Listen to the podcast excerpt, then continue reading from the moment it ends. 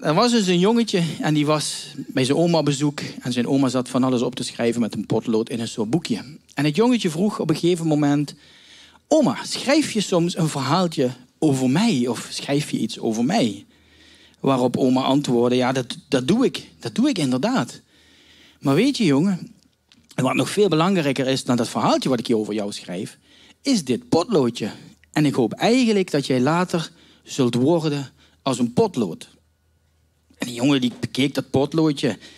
En hij kon er eigenlijk helemaal niks bijzonders aan ontdekken. Maar hij zegt, het is toch een gewoon potloodje? Het is toch helemaal niks speciaals? Wat, waarom zou ik moeten worden als een potlood? En oma zei, het potlood heeft vijf bijzondere dingen. Hij heeft hele mooie dingen die ik zou willen dat je later, als je groot bent, altijd onthoudt. En ik zie een paar mensen knikken, misschien kennen ze het verhaal aan. En oma zei dit. Je zult misschien hele grote daden verrichten. En dat doet een potlood ook als het schrijft. Kan mooie grote verhalen opschrijven. Maar vergeet nooit dat er altijd een hand is die jou leidt. Dus als jij als een potlood bent in je leven, weet dan dat God in, in, zijn hand, dat Gods hand jou zal leiden volgens zijn wil. En af en toe, zei oma, moet ik ook stoppen. En dan moet ik je in de slijper duwen. En dan moet ik draaien. En dan doet pijn voor dat potloodje, maar dan moet wel een nieuw puntje krijgen. Want moet, anders kan ik het niet verder gebruiken. En zo gebruikt God ons ook in zijn levens. Af en toe dan schaaft hij wat weg, of dan haalt hij wat weg en dan doet hij ons wat pijn. Maar dat doet hij alleen, zodat we daar weer beter tot ons recht komen. En ik schrijf altijd met een potloodje, zei oma, omdat ik kan uitgummen de dingen die niet goed gaan. En dan kan ik het opnieuw schrijven. En dat is eigenlijk een heel mooi beeld van genade. We mogen fouten maken in ons leven. We maken fouten in ons leven. Maar die zijn uitgumbaar. En dan kunnen we weer verder. Kunnen we corrigeren. En het helpt ons om steeds rechtvaardig door het leven te gaan. En het belangrijkste aan het potlood, zei oma, is ook niet de buitenkant. Niet het hout waar die van gemaakt is, niet het kleurtje wat er omheen zit. Maar het gaat net om dat kleine dunne lijntje grafiet wat erin zit. Want zonder dat grafiet kunnen we niks. En hoe zijn wij geneigd om steeds naar de buitenkant te kijken? Maar het gaat om ons hart, het gaat om onze hartsgesteldheid. En als vijfde, wat een, wat een potlood bijzonder maakt, is dat het een spoor nalaat. En zo is het in ons leven ook. Alles wat we doen, maar ook alles wat we niet doen, en wat we nalaten, laat een spoor achter. En later, als, dat zie je vaak bij begrafenissen en zo, dan wordt je teruggekeken op zijn leven en dan wordt gekeken naar en wat is het spoor wat jij achterlaat. Dus hoe is het met jouw levenspotlood? En dat had ook zomaar de preek kunnen zijn van vanochtend, wees een potlood, maar ik heb hem toch anders genoemd, wees een weeweer. Maar alles wat je in je leven doet, onderneemt, zegt, niet doet, nalaat, niet zegt, laat een spoor achter. Laat iets achter bij andere mensen, bij andere um, bij je gezin, in je werk, waar dan ook. Het laat iets achter. En ik hoop dat we allemaal een mooi spoor achterlaten. En om iets te ondernemen in je leven, daar is moed voor nodig. Ik denk dat het voor Rick een moedig moment moet zijn geweest. Er was moed voor nodig om op dat moment zijn leven over te geven aan God en in die bestemming te gaan wandelen. En wandelen is wat we vandaag gaan doen. De Bijbel is eigenlijk een hele grote wandeling. Het is een boek vol met verhalen over wandelingen. De allereerste wandeling in de Bijbel wordt door God zelf gemaakt. Hij loopt in de koelte van de avondwind door de tuin en hij wandelt werkelijk door die tuin. En wat dachten jullie van de wandeling die Abraham en Isaac maakten op weg naar de berg Moria? Wat een wandeling moet dat zijn geweest? Onder bizarre omstandigheden en gedachten. Of de bevrijdende wandeling van Mozes toen hij daar met zijn volk liep door een plek waar, het eigenlijk niet, waar je eigenlijk niet zou kunnen lopen, maar de zee was gespleten en ze liepen. En wat een wandeling moet dat zijn geweest. Gevolgd door een ellendige wandeling van 40 jaar door de woestijn. Wat een wandeling is dat geweest. Of de twee op weg naar Emmaus. Emmaus, Emmaus. De twee Emmausgangers. Wat een wandeling was dat? Een wandeling waar ze onderweg Jezus tegenkwamen en het licht zagen. Of de wandeling van Paulus, de onderbroken wandeling op weg naar Damascus, waar hij werd geslagen, blind werd en Jezus ging volgen. En wat te denken van de hartverscheurende, trieste wandeling die Jezus zelf onderging. Van het pretorium naar de berg, waar hij gekruisigd zou worden. Een wandeling die zelfs een eigen naam heeft gekregen, de Via Dolorosa. Maar de meest indrukwekkende wandeling, denk ik, vind ik, is de wandeling van Petrus. Die uit de boot stapte en op het water liep. Niet zozeer vanwege de plek waar het gebeurde, maar ik denk vanwege de ondergrond. Hij liep gewoon op water. De meest onvergetelijke wandeling van ze allemaal. En hij liep niet alleen, maar hij liep met Jezus. Laten we Matthäus 14 lezen waar dit stukje beschreven staat in de Bijbel vanaf vers 22. Het is het, een stuk tekst, dat hebben we echt al heel vaak, um, denk ik in deze gemeente ook, maar ook thuis gelezen. Het is een heel inspirerend stuk tekst, maar ik heb hier, ik, het laat me niet los. Het laat me niet los, omdat ik er een heel hoop dingen in herken. Waar ik denk van, jongens, als we dit gewoon voor lief nemen, aannemen en gaan doen, dan zijn we echte weeweers. Waterwandelaars. Laten we waterwandelaars zijn. Laten we echt uit die boot komen en waterwandelaars zijn. Moet ik even mijn bril opzetten, anders kan ik het echt niet lezen. Meteen daarna gelastte hij de leerlingen in de boot te stappen en alvast vooruit te gaan naar de overkant. Hij zou ook komen nadat hij de mensen had weggestuurd.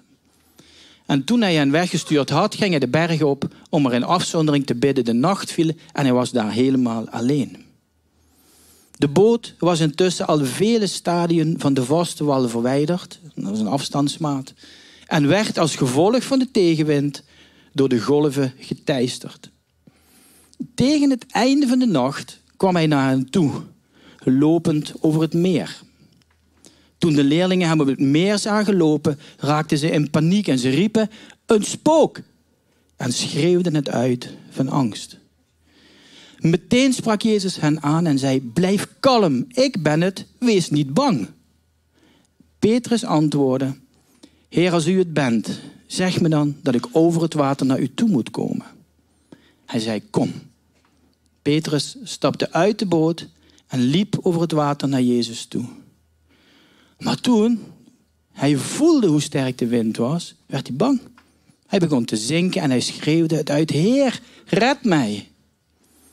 Meteen strekte Jezus zijn hand uit, greep hem vast en zei: Kleingelovige, waarom heb je getwijfeld? Toen ze in de boot stapten, ging de wind liggen. In de boot bogen de anderen zich voor hem neer en ze zeiden: U bent werkelijk Gods zoon. Nou, van, tot zover.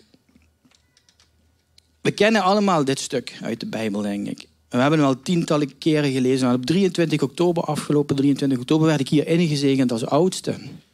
En uh, een vriend gaf mij daarbij een boek. En het boek ligt hier op, op uh, de eerste rij. En ik ben daarin beginnen te lezen. En het boek het heeft gewoon de simpele titel. Als je over water wil lopen, zul je uit de boot moeten stappen. Als je over water wilt lopen, zul je uit de boot moeten stappen. En hier gaat het over Petrus, onze waterwandelaar, onze weeweer. En ik hoop dat, dat deze preek, deze woorden, eh, jullie weer aanzetten om opnieuw op water te gaan wandelen. Of te blijven wandelen op water, want het is echt het mooiste, zullen we het einde zien, eh, wat je kan doen. Ik heb zeven punten, Minja, dan weet je dat ook ergens waar je zo eh, deze kant op mag komen. Die ik uit, uit deze tekst ehm, en ook uit het boek hoor, want ik, ik heb echt eigenlijk een soort uittreksel uit dit boek gemaakt, maar het is zo fantastisch. Zeven punten die ik met jullie wil, wil doornemen deze ochtend. En het eerste punt is, waterwandelaars zijn zich bewust van Gods aanwezigheid. Probeer je voor te stellen, drie uur s'nachts op een meer in een simpele boot. Dat zijn niet de boten zoals wij die nu kennen. Hè? Dat is 2000 jaar geleden, ruim 2000 jaar geleden.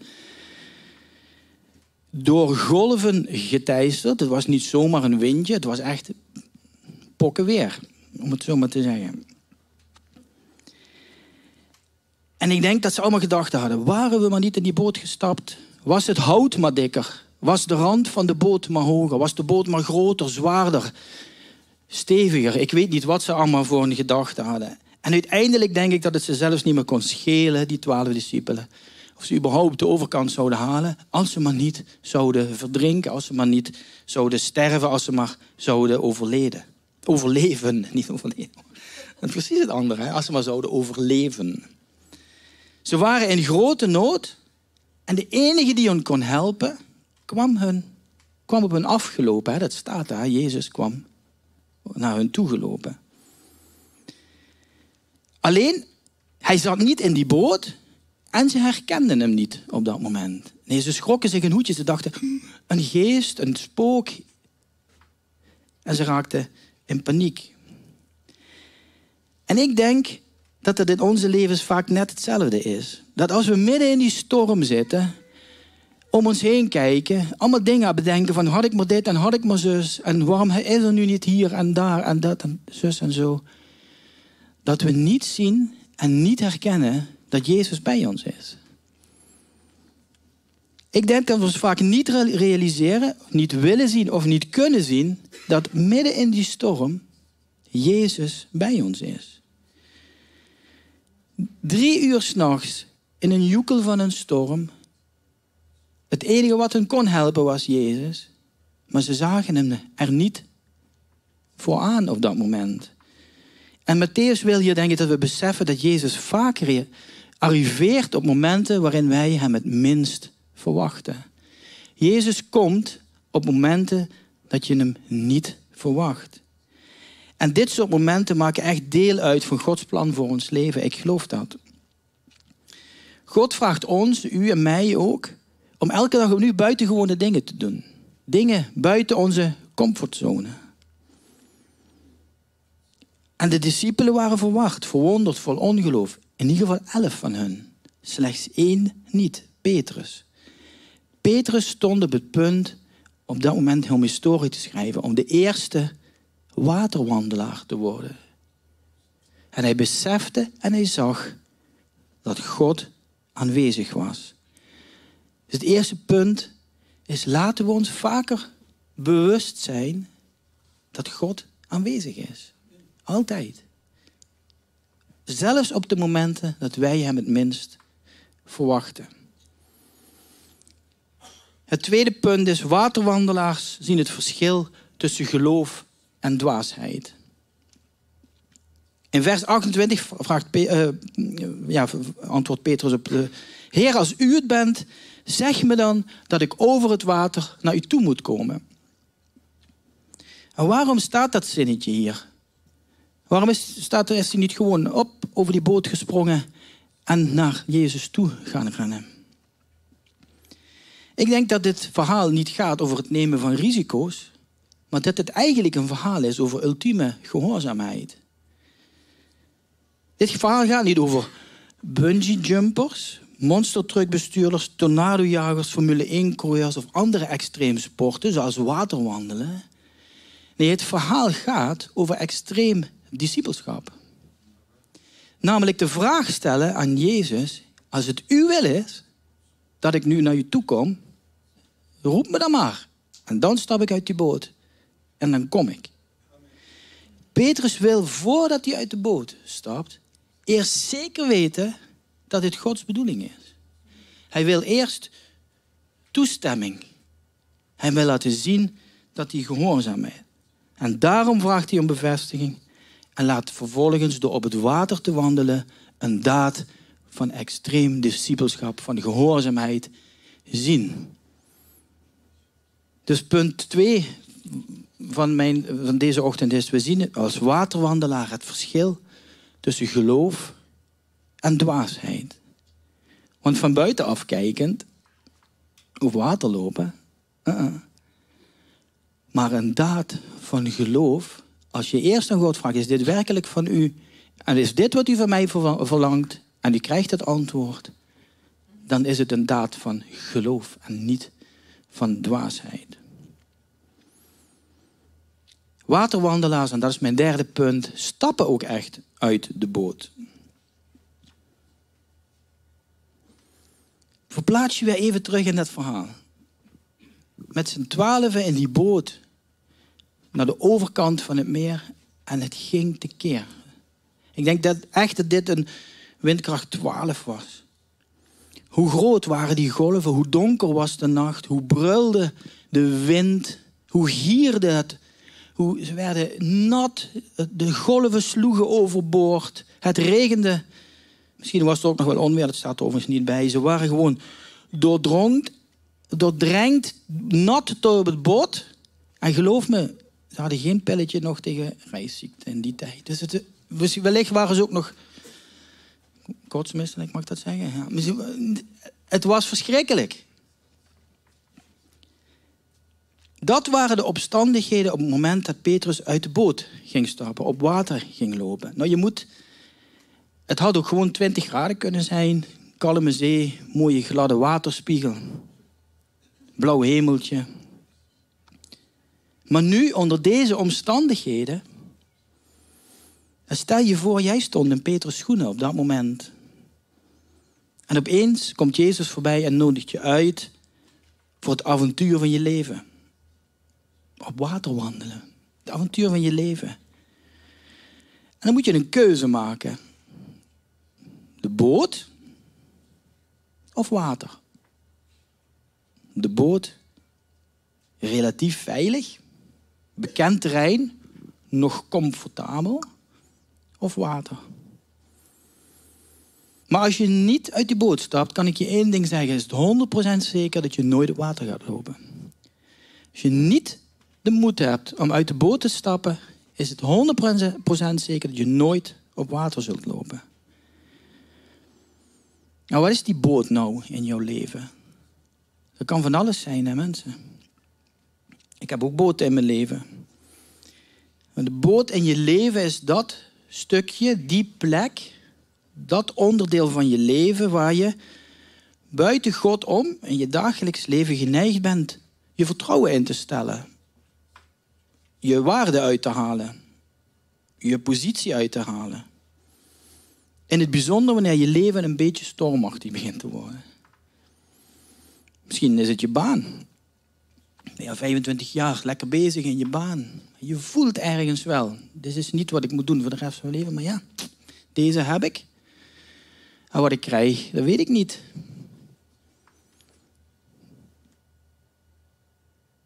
Misschien is het een relatie in je leven, een vriendschap, waar je niet helemaal gelukkig in wordt, waar je niet helemaal jezelf in kunt zijn.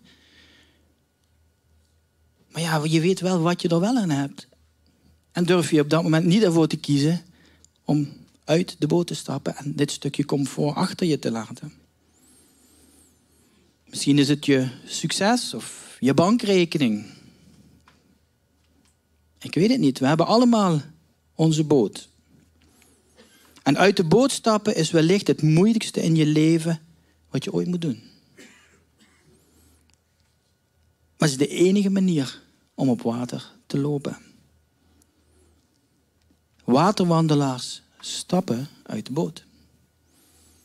Dus onderzoek maar eens thuis wat je boot is. En of je bereid bent om uit je boot te stappen. Of jij bereid bent om je comfort in te leveren voor het geweldige avontuur om op water te wandelen. Mijn vierde punt. Waterwandelaars weten, weten dat er problemen komen. Dacht je nou werkelijk dat als je op water ging lopen, dat je droog zou blijven? Dat denk ik wel eens. Als ik dit verhaal lees, denk ik, ja Petrus, had je kunnen weten.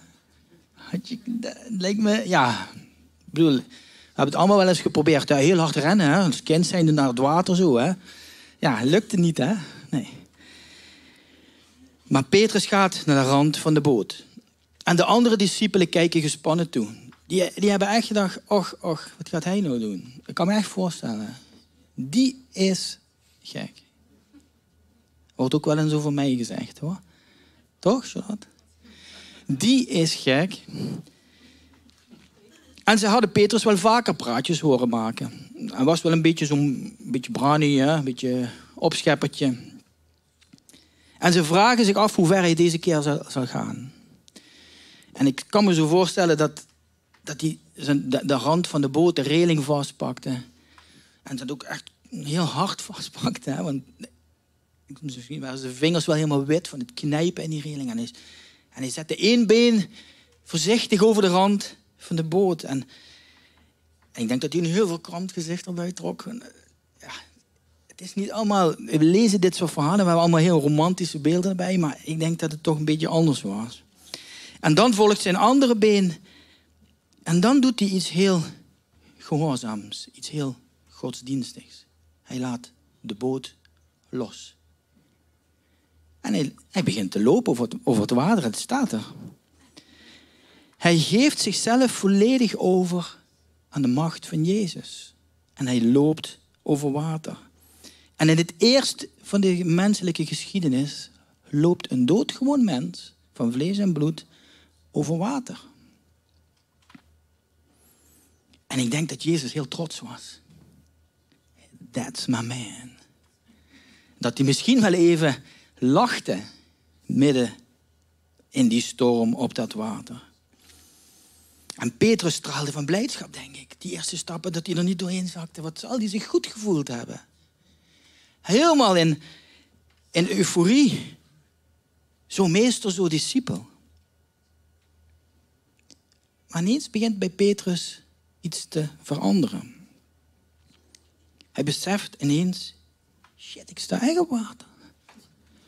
Oh, en het is helemaal, en het is storm en, en de angst komt.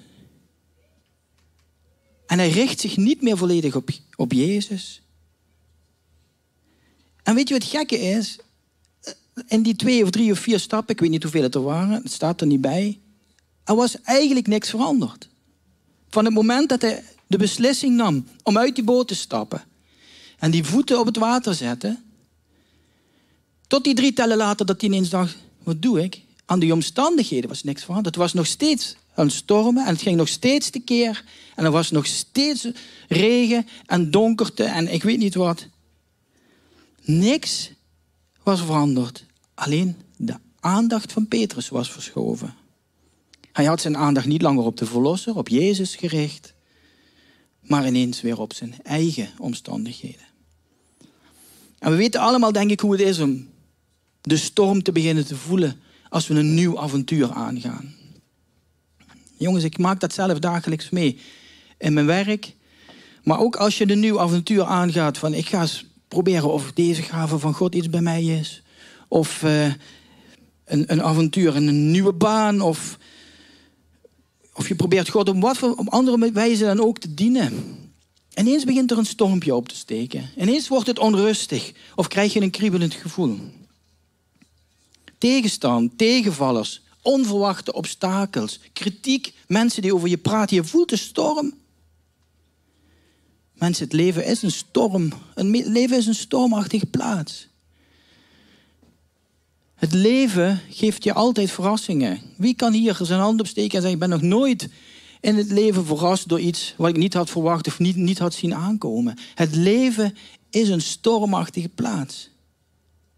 En toch laten we ons altijd weer verrassen, ikzelf ook hoor, door moeilijkheden of onverwachte situaties.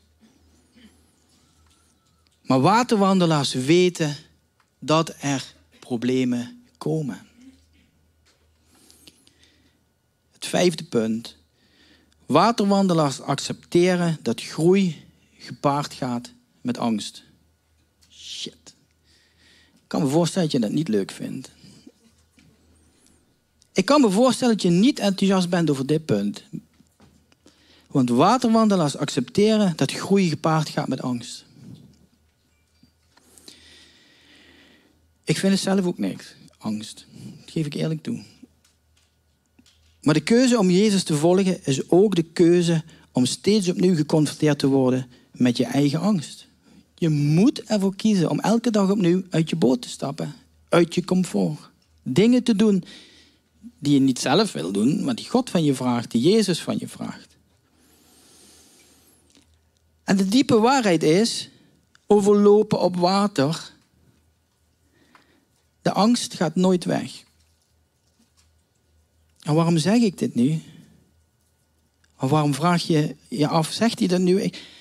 Als je wilt groeien in nieuwe omgevingen, nieuwe dingen wil gaan ontdekken, nieuwe uitdagingen aangaan, en of dat nou op je werk is, of op school, of in de kerk, of in een relatie, of waar dan ook. In nieuwe omgevingen ga je altijd nieuwe uitdagingen aan moeten gaan. En zul je altijd ervaren dat daar angst aan gekoppeld is. En de angst zal nooit verdwijnen zolang je blijft groeien. Nooit. Nooit. En dan staat er in dat boek, is er geen geweldig nieuws. Want dan hoef je er ook niemand druk over te maken als je toch weet dat het niet weggaat. Maak je er dan niet druk over. En dat is heel erg ontnuchterend, denk ik. De beslissing om te groeien gaat altijd gepaard met een keuze tussen gevaar en comfort. Uit de boot of in de boot. Heel makkelijk. De best verkochte stoel in heel de wereld heet de Lazy. Dat model heet de Lazy Boy. Heb ik opgezocht, hè, jongens. Dat is eh, niet verzonnen. Hè? En ik denk, daar ben ik heel eerlijk in, ik geniet ook van het avondje op de bank. Lekker niks doen. Televisie aan, voetjes hoog. Dekentje over de voetjes. Een stukje chocola. Zakje chips. Lekker comfortabel. Helemaal niks doen.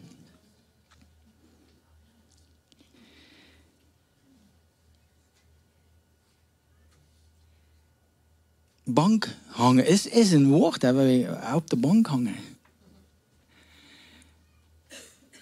Elf in de boot waren bankhangers. Een eentje niet. Petrus dacht, ik ga het avontuur aan. Ik ga niet op de bank hangen. Maar waterwandelaars accepteren dat groei gepaard gaat met angst. Die elf vonden het niet erg om te blijven zitten en te kijken hoe dat met Petrus ging en hoe dat ging aflopen. Ze hadden geen zin om daadwerkelijk iets te doen. En mensen, ik, ik wil jullie uitnodigen en uitdagen om eens naar jezelf te kijken. Ben ik in mijn geestelijk wandelen een bankhanger? Of ben ik een waterwandelaar? Er zitten heel veel mensen in kerken die er alleen maar zitten op zondag om gediend te worden, om iets goeds te ontvangen, om spiritueel een beetje opgebouwd te worden. Maar ik daag je uit en God daagt je uit om het grote avontuur met hem aan te gaan en een waterwandelaar te worden. Geen bankzitter, maar een waterwandelaar. Jezus is nog steeds op zoek naar mensen die zeggen, en eigenlijk de preek van vorige week, weet je, veel heb ik niet, Heer, maar wat ik heb, dat geef ik u. Wees die waterwandelaar.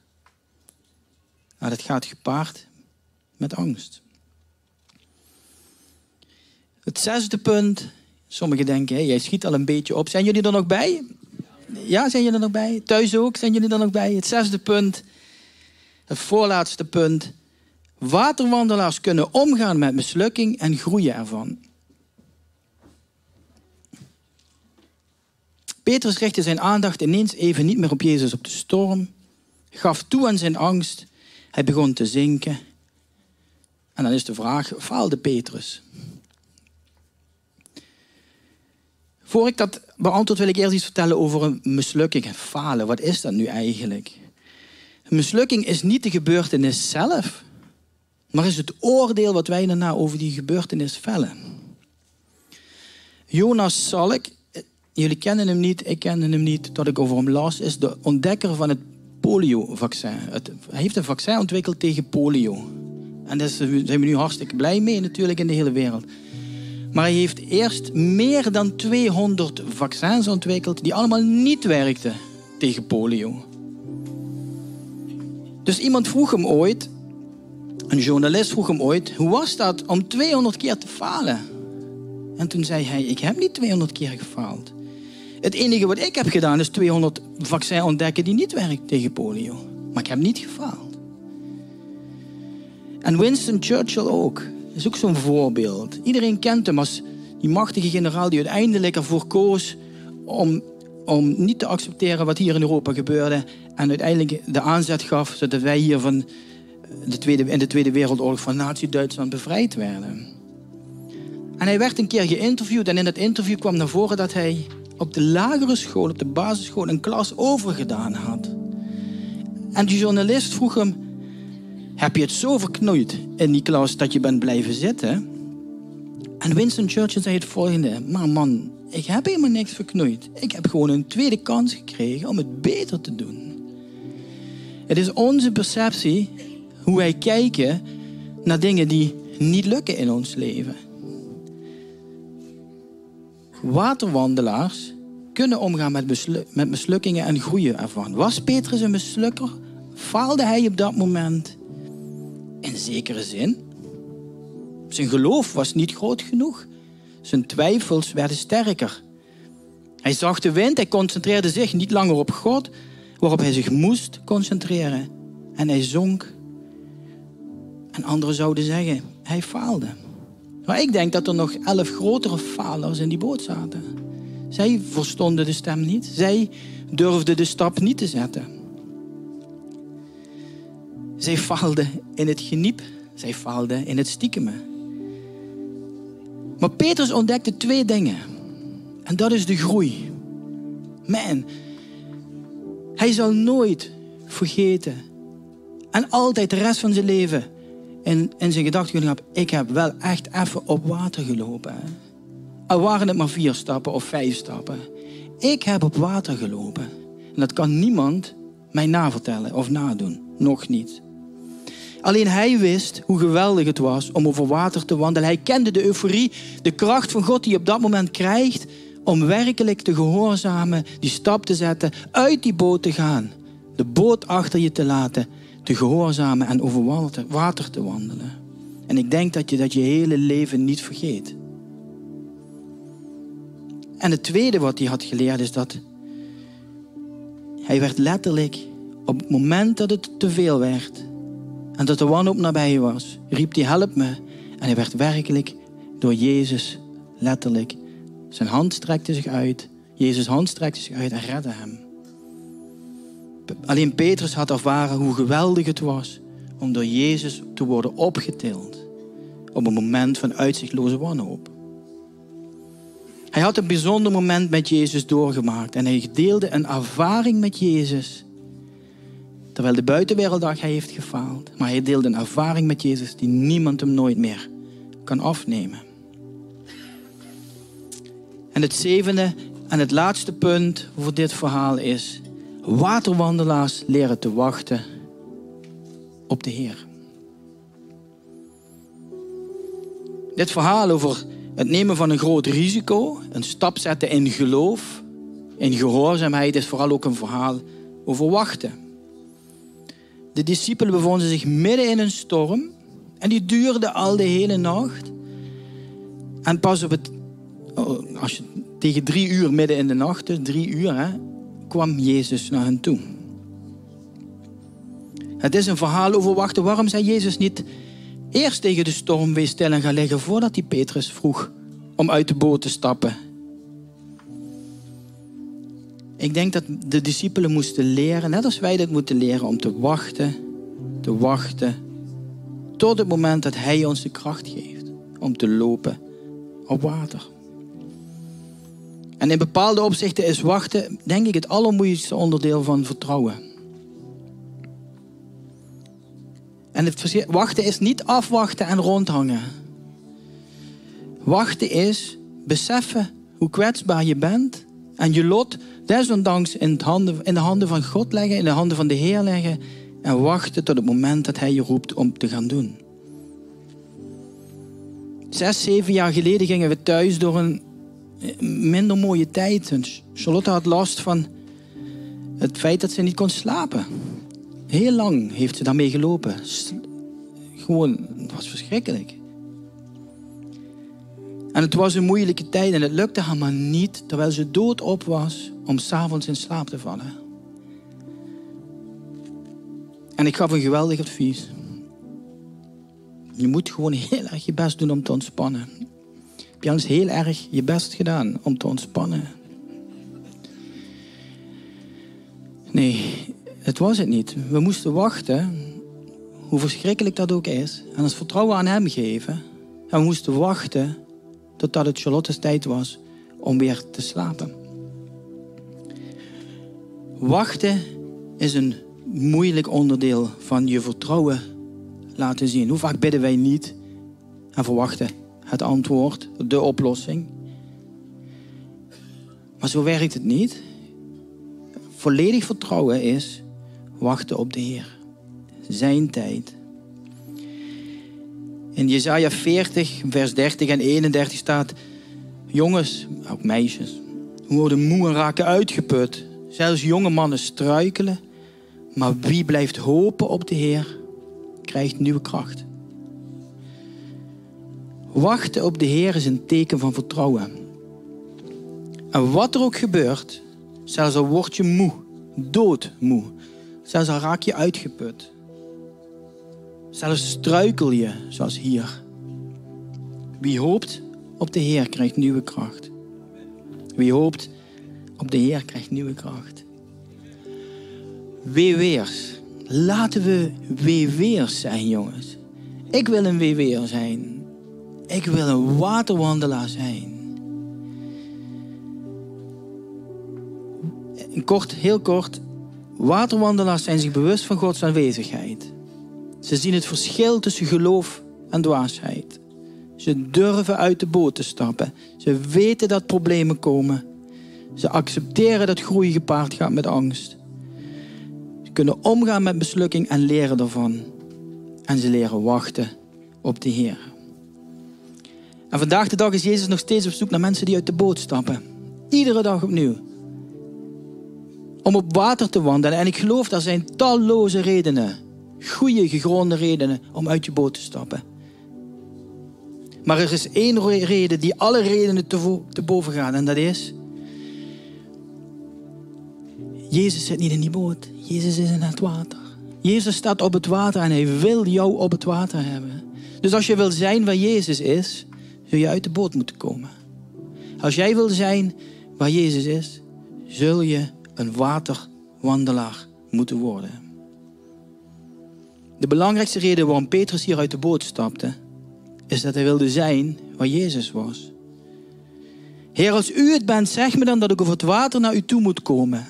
En toen stapte hij uit de boot en liep naar Jezus toe. En hoe zit dat met mij en hoe zit dat met u en bij u thuis? Wanneer ben je voor het laatst uit je boot gestapt? Ik denk dat dit Gods belangrijkste manier is en meest gebruikte methode is om in ons hart een diep avontuurlijk geloof te bewerken. Ons te vragen om uit de boot te stappen en naar Hem toe te komen. Er is niks mis met het horen van een geweldige preek of het lezen van een goed boek, begrijp me goed. Heerlijk liederen zingen. Maar God maakt denk ik boven alles gebruik van alle dagelijkse uitdagingen die we tegenkomen. En de keuze die jij daarin neemt, blijf ik in de boot of stap ik eruit? En wij zijn geneigd om te zoeken naar, op zoek te gaan naar comfort. Hè? Overzichtelijke leventjes creëren, risico's beheersen, alles een beetje in de hand houden, controle. Maar dan loopt God voorbij en zet alles op zijn kop. En de uitnodiging om uit de boot te stappen gaat gepaard met crisis. Gaat gepaard met crisis. Met kansen, met mislukking. Over het algemeen met angst en soms met lijden. Uit de boot stappen gaat gepaard met angst en soms met lijden. Maar er is geen andere manier om te groeien in je geloof en samen te werken met God.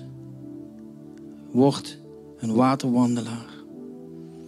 En als je uit die boot stapt, weet je zeker dat er twee dingen zullen gebeuren. Het eerste is dat wanneer je faalt, en dat gaat echt gebeuren, gebeurt mij ook. Het gebeurt van tijd tot tijd. Je zult leren dat Jezus bij je is om je overeind te helpen. Keer op keer. Als je faalt, je bent niet alleen.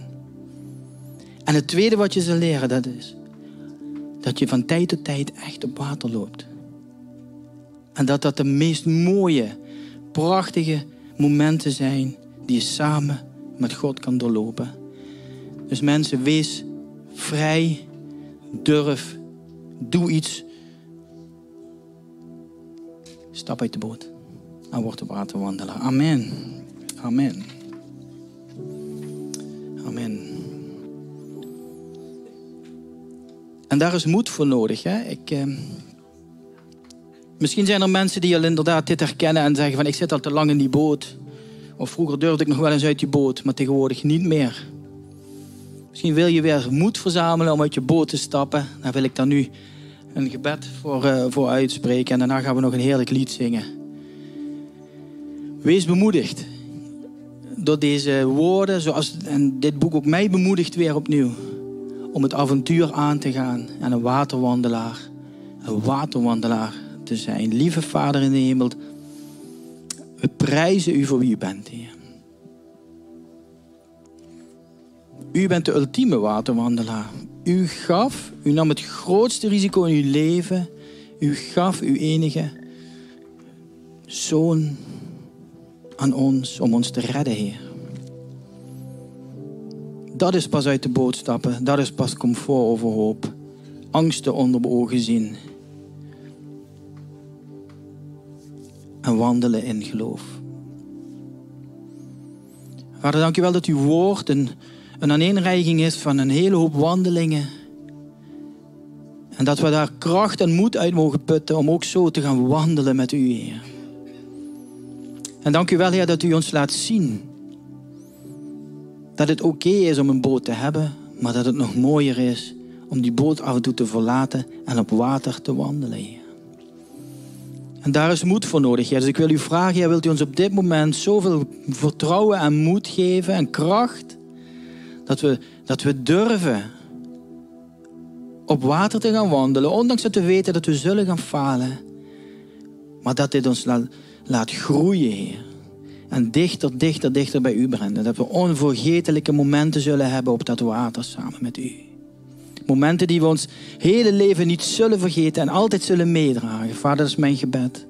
Voor mezelf, voor ieder die hier is. Voor ieder die u volgt, voor ieder die thuis kijkt. In de naam van Jezus. Amen. Amen.